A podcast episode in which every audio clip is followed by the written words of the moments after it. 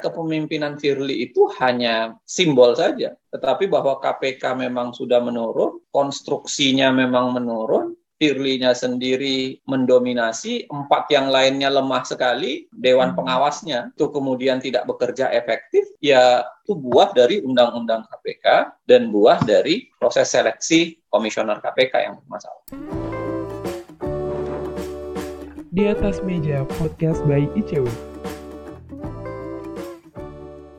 Assalamualaikum warahmatullahi wabarakatuh. Selamat malam, selamat siang, selamat pagi, kapan pun nanti teman-teman mendengarkannya. Karena ini podcast kembali lagi di podcast di atas meja bayi cewek sama aku Mima. Kali ini kita udah masuk ke episode 15. Di episode kali ini aku akan berbincang soal politik bumi hangus KPK. Apa sih maksudnya? Nanti kita akan bicarakan lebih lanjut.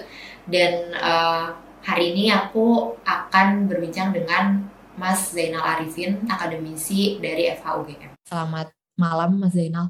Selamat malam, Mbak. Ya. Bagaimana kabarnya hari ini? Alhamdulillah sehat. Oke.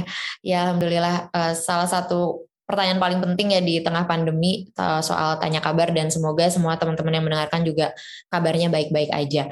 Nah, sebetulnya apa sih yang mau diobrolin malam ini? Diobrolin malam ini adalah soal politik bumi hangus KPK. Apa maksudnya? Jadi beberapa hari lalu ICW sempat merilis satu tajuk rencana menyatakan satu sikap untuk menyikapi adanya Perkom KPK nomor 1 tahun 2022 yang di belum lama dirilis. Mungkin kalau teman-teman mengikutinya di awal Februari itu uh, media massa banyak yang memberitakan baik dari segi perkomnya ataupun pendapat para ahli dan uh, pengamat uh, hukum maupun uh, orang-orang yang bergerak di isu anti korupsi terkait perkom ini. Karena salah satu bagian dari perkom ini yaitu di pasal 11 ayat 1 huruf B menyebutkan kan aku sedikit bacakan dulu tidak pernah diberhentikan dengan hormat, tidak atas permintaan sendiri atau tidak dengan hormat sebagai PNS, prajurit Tentara Nasional Indonesia, anggota Kepolisian Negara Republik Indonesia, pegawai komisi atau diberhentikan tidak dengan hormat sebagai pegawai swasta. Ini adalah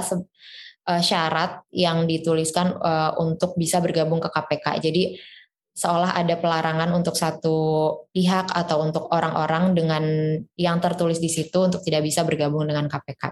Nah, hal itu dimaknai dalam tajuk rencananya ICW sebagai politik bumi hangus karena seolah Firly sebagai komisioner menutup kembali menutup uh, akses para pegawai yang kemarin diberhentikan lewat TWK untuk kembali ke KPK gitu. Nah, aku nggak mau berlama-lama untuk prolognya, aku langsung masuk aja kali ya ke pertanyaan. Tapi untuk mengawali podcast ini, yang mau aku tanyakan ke Mas Zainal adalah bagaimana Mas Zainal melihat kondisi KPK di bawah kepemimpinan Firly Bahuri? Uh, tentu panjang ya, tapi kalau mau disederhanakan barangkali saya termasuk yang mengatakan bahwa KPK di bawah Firly sebenarnya mengalami penurunan tentu saja, tetapi bukan soalan di bawah Firly-nya, tetapi karena komitmen negaranya yang memang sudah kehilangan uh, semangat untuk memberantas korupsi. Makanya kenapa kemudian ditaruh orang seperti Firly di KPK. Dan itu uh, poinnya. Jadi kalau misalnya KPK pun bukan dipimpin oleh Firly sebenarnya, ya saya meyakini terjadi juga penurunan. Kenapa? Karena yang kehilangan semangatnya itu adalah negaranya. Makanya mereka melakukan apa eh, politik bumi hangusnya itu mulai dari semenjak mengubah undang-undang KPK, termasuk ketika membentuk pansel yang bermasalah dan kemudian menghasilkan Firly. Itu yang pertama. Jadi kalau kita bicara KPK di bawah Firly mengalami penurunan, saya sih mengatakan bahwa ya walaupun mungkin bukan di bawah Firly, saya yakin tetap mengalami penurunan ya karena memang negaranya tidak punya lagi gairah yang cukup untuk memberantas korupsi. Makanya kemudian eh, prosesnya dibajak. Yang kedua, begini ya, saya sih tidak suka menyalahkan ke satu person saja. Karena yang namanya KPK itu adalah kolegial kolektif kepemimpinan Firly itu hanya kepemimpinan administratif sebenarnya sifatnya. Karena KPK itu kan ya lima orang. Kepemimpinannya kolegial kolektif. Pengambilan keputusannya diambil secara kolektif, ya, secara berlima. Jadi kalau kita ujuk-ujuk mengatakan KPK menurun di bawah Firly, sebenarnya pada saat yang sama kita harus bilang ia menurun di bawah eh, lima komisioner yang ada. Jadi tagihan problem itu juga harus kita sampaikan bukan sekedar ke Firly, tapi juga ke yang lain. Nurul Gufron misalnya. Tagihan yang sama ke Pak Alex misalnya. Pokoknya tagihan itu harus sama. Ya, karena itu hasil kolektif. Kalau Firly hanya sendiri sedangkan empat yang lainnya menolak, sebenarnya harusnya eh, tidak menjadi seperti itu. Kalau dikatakan Firly mendominasi dan empat yang lainnya mengikut aja ke Firly, yang menurut saya itu kelirunya ketika mereka memaknai KPK. Karena KPK itu harusnya kolegial kolektif. Jadi satu orang itu sebenarnya tidak menentukan. Ya, satu orang itu tidak menentukan karena kepemimpinan itu lima orang. Ya, tadi saya ingin katakan bahwa ya kalau empat empatnya merasa kalah dari satu orang, ya menurut saya kebodohan empat orang itu dalam tanda kutip ya kebodohannya kenapa mau kalah dari satu orang. Nah, tapi yang ketiga, kalau kita maknai bahwa Firly itu melakukan tindakan-tindakan yang blunder dalam hal pemberantasan korupsi, ya saya setuju itu. Ya. Nah, sayangnya mekanisme di KPK juga tidak cukup untuk memberikan teguran secara baik. Misalnya dalam kasus uh, Heli, misalnya dalam kasus-kasus tertentu, ya mekanisme di internal KPK sendiri tidak cukup baik untuk menegur itu. Nah, maka itu sama apa yang saya mau cerita, sebenarnya ya kepemimpinan Firly itu hanya simbol saja.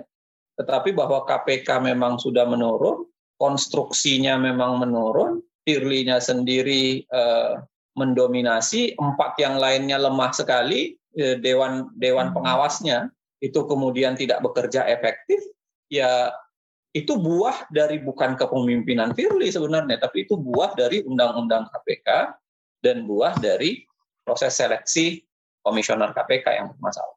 Oke, aku sedikit tadi kan ada semangat pemberantasan korupsinya memang sudah menurun. Kalau kita kaitkan secara langsung dengan perkom yang baru dikeluarkan ini, apakah ini juga akan menurunkan lagi semangat pemberantasan korupsi atau kalau dalam pemberitaan kan saya, uh, saya mau tahu dulu deh sebenarnya yang salah dari perkom itu pada apanya menurut teman-teman uh, di yang disoroti dalam tajuk rencana ICW itu kan adalah bagian pelarangan kembali bagi mereka yang sudah diberhentikan baik secara uh, hormat ataupun tidak hormat da, sebagai PNS, TNI ataupun anggota kepolisian. Kira-kira kalau kita tidak bicara soal 57 orang ini ya. Hmm. Kira-kira kalau ada polisi yang brengsek dalam tanda kutip ya, diberhentikan di kepolisian, bisa dibawa ke KPK atau tidak? Ya, yes. tidak sih mestinya. Jadi sebenarnya bangunan kita begini nih. Problem kita adalah bukan di titik aturan perkomnya ansih, ya perkomnya sendiri punya masalah tentu saja ya. Hmm. Tapi problem dasarnya itu adalah pembunuhan atau politik bumi hangus ketika 57 orang itu diusir dari KPK. Di situ problemnya. Bagaimana mungkin orang diberhentikan secara Dulu diberhentikan secara hormat atau tidak hormat sih teman-teman KPK itu? Secara hormat. Dengan hormat ya. Bagaimana mungkin orang diberhentikan secara hormat ya, tetapi kemudian dianggap logika yang keluar itu adalah mereka busuk, mereka buruk, tidak bisa diperbaiki, mereka ini Taliban dan lain-lain sebagainya. Ya. Jadi letak dasarnya menurut saya adalah ya ketika mereka diusir dengan cara eh, zalim lah, dengan cara yang keliru nauzubillah. Dan bukan cuma kita yang sebutkan itu kan, ombudsman menyebutkan itu, Komnas HAM menyebutkan hal yang sama. Nah, problem yang kedua tentu saja adanya di Perkom itu sendiri. Ya, ketika menyamakan antara orang yang diberhentikan secara hormat dengan diberhentikan secara tidak hormat. Nah, orang diberhentikan secara hormat harusnya mendapatkan porsi tersendiri, ya kan? Kalau diberhentikan secara tidak hormat, misalnya melakukan kesalahan-kesalahan tertentu, saya, saya malah setuju. KPK itu harusnya lebih lebih selektif. Harusnya lebih selektif dong, ya.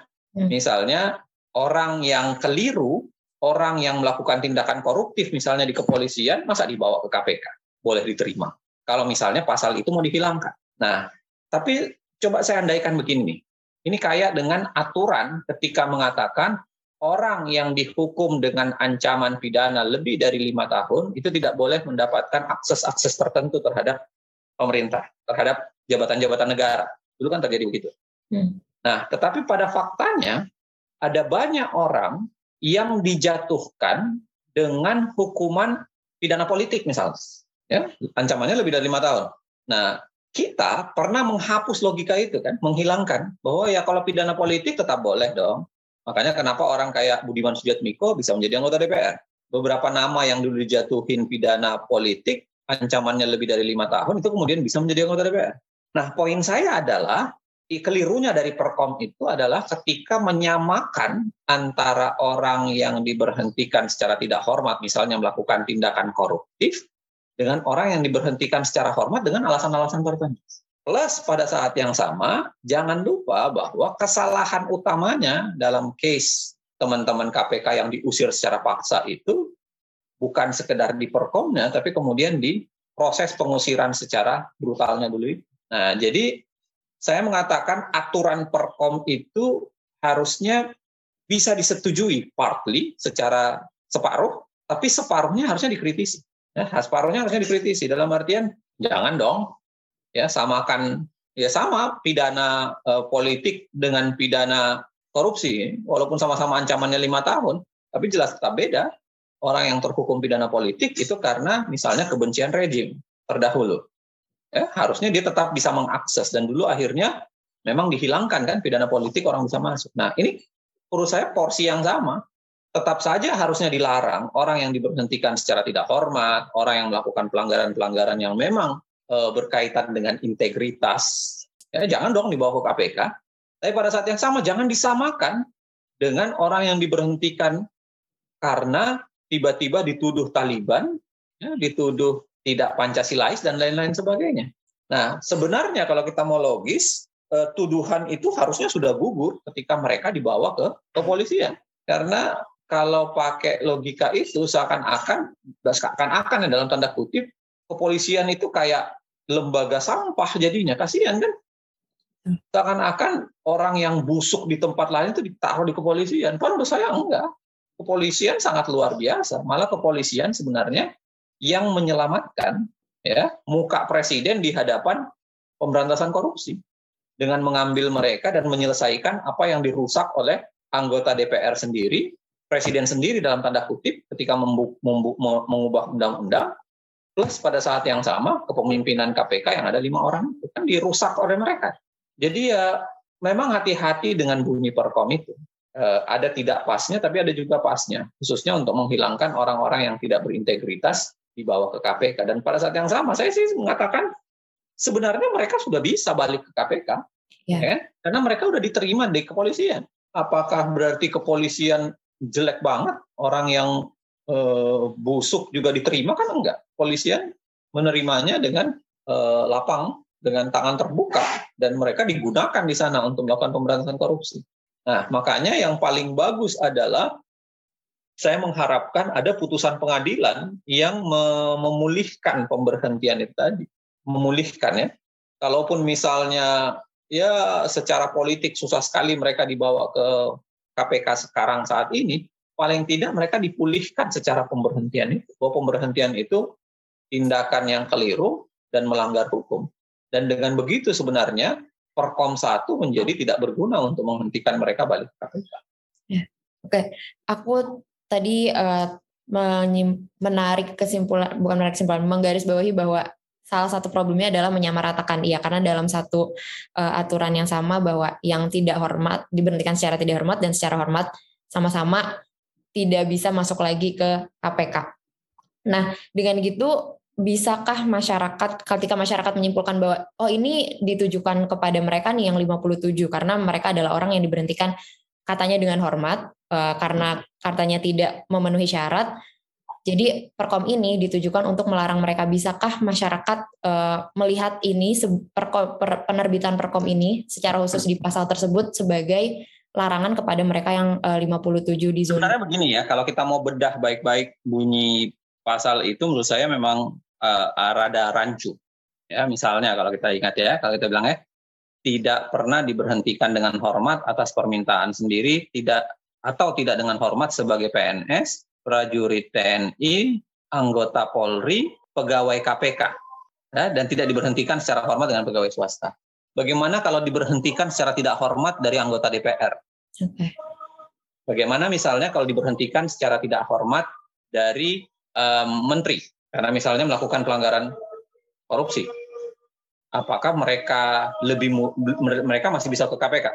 Karena tidak tidak letterless ya, kan? Tidak diatur, betul. Uh, karena limitatif di situ dikatakan bahwa TNI, Polri, dan lain-lain sebagainya. Jadi kalau misalnya anggota DPR dia masuk kembali menjadi apa gitu, lalu kemudian mendaftar masuk ke KPK, apakah berarti diperbolehkan? Walaupun dia sudah diberhentikan tidak hormat misalnya. Jadi ya memang konstruksi pasalnya juga keliru, tapi pada saat yang sama saya harus bilang bahwa menolak orang bermasalah di KPK itu memang penting. Problemnya sekarang soal masalahnya, apa masalahnya? Yeah. Ya, kalau masalahnya adalah masalah integritas ya tentu harusnya ditolak. Tapi kalau problem-problem yang tidak integritas, misalnya tahanan politik atau bahkan kemudian orang yang dipolitisasi pemberhentiannya, ya menurut saya harusnya terjadi pembedaan. Hmm. Oke, okay. Uh, salah satu alasannya KPK itu kan juga dalam rangka karena ada alih fungsi eh, alih, alih status ke ASN kemudian juga perbaikan tata kelola organisasi. Kalau menurut Mas Zainal sebetulnya apa sih yang lebih urgen urgen atau apa hal-hal yang urgen yang di, bisa dilakukan KPK untuk memperbaiki tata kelola organisasinya saat ini? Saya kira begini ya, saya termasuk orang yang masih menolak logika membawa itu ke arah eksekutif. Jadi saya bayangkan bahwa harusnya tetap independen. Ya? Dan dalam konteks independen itu tata kelolanya harusnya dibuat dengan standar yang jauh lebih tinggi. Ya, mulai dari proses rekrutmennya, mulai dari proses bagaimana mereka menjalannya, menjalankan kegiatan, bagaimana SOP-nya dan lain-lain sebagainya harusnya dengan standar lebih tinggi. Dulu menurut saya itu jauh lebih menarik karena terjadi sakralisasi KPK Kenapa penting sakralisasi? Ya, karena um, KPK ini kan tidak ada di daerah. KPK itu hanya ada di pusat. Ya, bagaimana supaya KPK tetap terasa ada di daerah? Ya itulah sakralisasinya. Seakan-akan KPK sakral masih kuat, itu penting supaya kemudian orang di daerah itu berpikir dua tiga kali untuk melakukan pelanggaran. Tapi sekarang semenjak sakralisasinya itu tidak ada, bahkan pelanggar, saya mengatakan pidana ya, pelanggar pidana dalam kasus Ibu siapa namanya? Lili Pintauli. Ibu Lili, saya mengatakan itu pidana ya karena jelas dalam Undang-Undang KPK dikatakan bahwa e, bertemu dengan pihak atau menjanjikan sesuatu itu jelas pidana. hal yang keliru. Bagaimana mungkin orang yang seperti itu masih tetap biasa bisa ada di KPK? Jadi terjadi desakralisasi. Makanya kalau kebutuhan tata kelola pertama menurut saya harusnya sakralisasi tetap ada. SOP-nya harus disakral. Orang nggak boleh dong. Standarnya harus tetap ditinggikan. Orang nggak boleh tuh seorang pelanggar itu kemudian dipaksa tetap ada di situ. Atau misalnya hindari yang namanya konflik kepentingan, jangan makan di tempat orang yang mengundang dan lain sebagainya. Sebenarnya harusnya tetap ada. Karena itu bagian dari yang penting. Yang kedua, bagian dari tata kelola yang baik adalah menggerakkan sistem pengawasan dengan baik, bukan dengan cara dewan pengawas. Mohon maaf ya, menurut saya dewan pengawas ini tumpul, tidak bisa bekerja apa-apa. Pelanggaran yang di depan hidung itu malah dibiarkan dalam kasus Lili Pintauli. Bahkan putusannya itu menurut saya ya putusan dalam tanda kutip ya, putusan yang tidak jelas orang dijatuhin uh, hukuman yang sangat lemah, lalu sanksinya juga sangat lemah.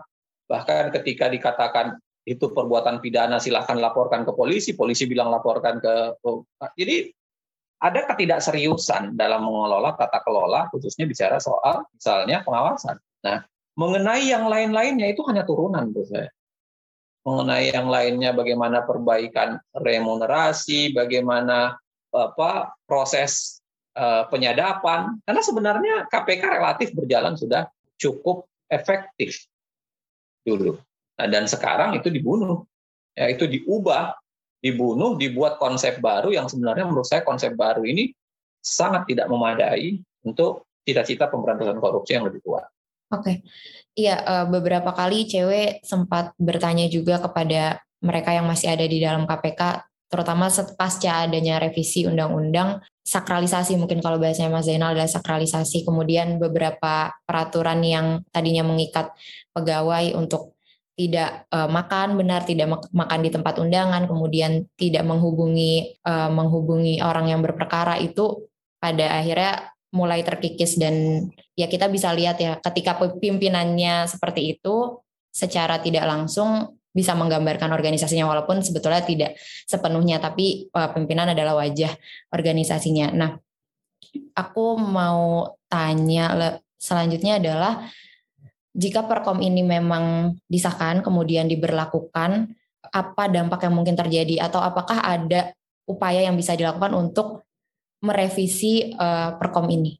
Sebenarnya kalau sudah di uh, dijadikan aturan ya perkom bisanya itu adalah dibawa ke proses peradilan tentu saja ya dalam hal ini tentu saja di Mahkamah Agung. Nah, um, tapi saya lagi-lagi mengatakan ini adalah hilir dari semua problem. Problemnya adalah di hulu itu adalah semangat pemberantasan korupsi yang memang sudah semakin melemah, baik di eksekutif, legislatif maupun yudikatif. Jadi kalaupun kita bawa kekuasaan judicial, mempersoalkan itu di pengadilan misalnya, saya sih yakin ya nggak akan ada juga ya upaya berarti untuk menguatkan pemberantasan korupsi karena bisa jadi mereka belok kapan saja. Dalam kasus misalnya soal apa kalau kita lihat kasus pemberhentian itu, putusan Mahkamah Agung dan Mahkamah Konstitusi kan juga sama sekali tidak memberikan uh, banyak arti. Ya, bahkan berlawanan dengan logika seharusnya secara hukum menurut saya.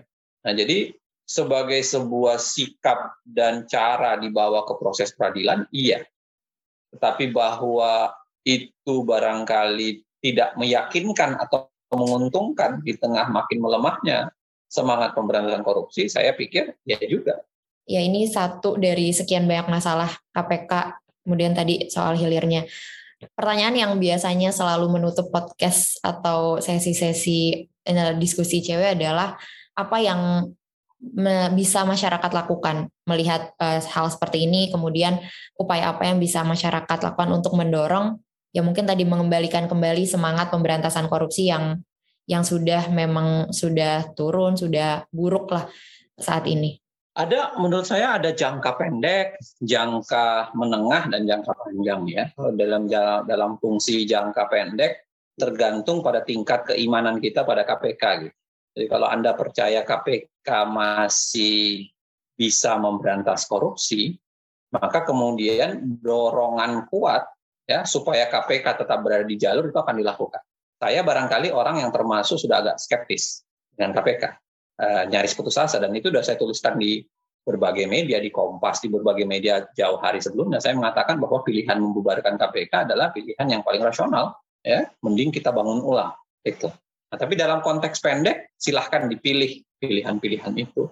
Yang kedua adalah dalam konteks yang menengah kita berharap peran yang bukan saja publik tapi peran teman-teman yang berada di KPK sendiri. Di internal KPK saya yakin ya orang baik itu masih ada. Orang baik itu masih ada. Nah kita berharap mereka bisa bekerja optimal bahkan bekerja bersama publik ya memberikan sentimen dan masukan yang berarti untuk KPK dan harusnya dilakukan. Karena lembaga ini bukan miliknya Firly bukan miliknya presiden tapi milik kita milik kita semua jadi kalau misalnya mereka ingin mendegakkan kebaikan lalu dimaki-maki dimarahi oleh pimpinan menurut saya itu bukti bahwa pimpinan tidak pro pada pemberantasan korupsi, tidak pro pada yang namanya memperbaiki kelembagaan. Nah, harusnya mereka bekerja tuh. Jadi kita mereka di jangka menengah itu tetap bekerja untuk memberikan masukan dan melawan menahan itu. Nah, di jangka yang lebih panjang menurut saya mau tidak mau kita harus memikirkan untuk membangun ulang kan, men-setting ulang.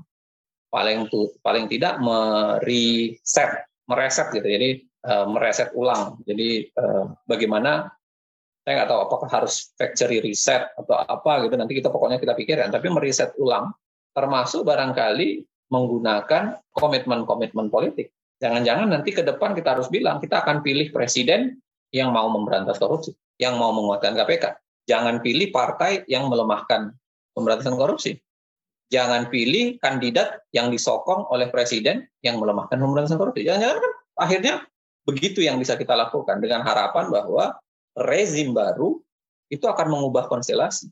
Firly kan akan berhenti, Firly CS ini akan berhenti di tahun 2024. Ya kan? Mungkin bersamaan dengan tahun politik.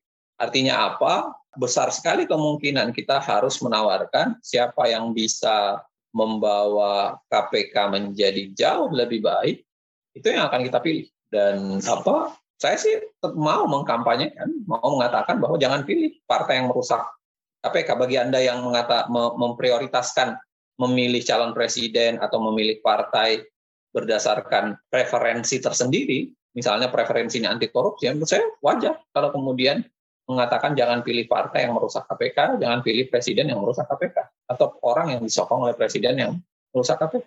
Nah, pilihan-pilihan itu sebenarnya banyak yang bisa dilakukan oleh publik. Mulai dari ya tetap mempercayai KPK, walaupun saya termasuk yang mengatakan ya berat. Karena bagi saya ya apa KPK yang baik itu adalah KPK yang bisa memberantas korupsi dari dari mengungkap perkaranya, mengejar semua pelaku, sampai kemudian mendapatkan resep perbaikan. Nah, KPK sekarang di level satu saja membuka perkara secara luas itu masih sering gagap kan? Karena orang-orang yang terlibat saja masih hilang, masih nggak jelas. Ada semacam pemotongan jalur tanggung jawab, ya pihak-pihak yang seharusnya itu bertanggung jawab itu kemudian dipangkas, dipotong hanya masuk pada orang-orang itu pemberantasan korupsi macam apa yang kita bisa harapkan. Dan dengan teman-teman yang pindah ke eh, kepolisian, saya sih berharap bahwa kepolisian bisa menaikkan level pemberantasan korupsinya ya. Karena dulu KPK dibuat itu karena kepolisian dan kejaksaan yang terlalu lemah levelnya. Level pemberantasan korupsinya dianggap tidak mampu. Nah, sekarang dengan orang-orang KPK yang dianggap jempolan, kalau misalnya kepolisian bisa menaikkan sedikit levelnya, ya menurut saya malah bagus. Karena kan kita membentuk tiga lembaga untuk mengerjakan anti korupsi itu kan dengan logika kompetisi sebenarnya. Kenapa kita bikin ada KPK, Kejaksaan dan Kepolisian? Karena kita harapkan mereka berlomba-lomba dalam kebaikan kan. Pastabikul khairat gitu kan. Berlomba-lomba untuk melakukan pemberantasan korupsi.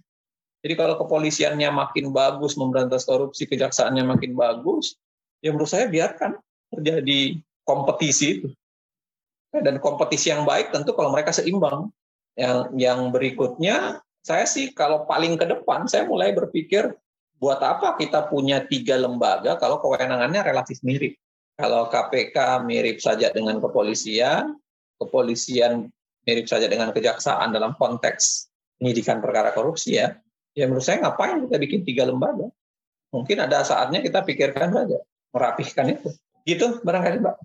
Iya, salah satu poin yang paling banyak disebut adalah soal semangat pemberantasan korupsinya. Tadi uh, kalau dibalik dari yang terakhir adalah uh, di mana pun sebetulnya lembaganya uh, bisa aja untuk berlomba-lomba melakukan pemberantasan korupsi dan karena konteks pembicaranya adalah perkom, perkom ini sebenarnya cuma satu dari sekian banyak masalah. Kalau Mas Zainal tadi bilang hilirnya aja, hulunya tuh udah banyak. Kita juga sudah menyaksikan dan ya kalau memang semangatnya mau dinaikkan, berarti harus ada upaya serius dan kita sebagai masyarakat sebetulnya juga punya punya kesempatan, punya kemungkinan untuk uh, berkontribusi dalam mengembalikan semangat pemberantasan korupsi.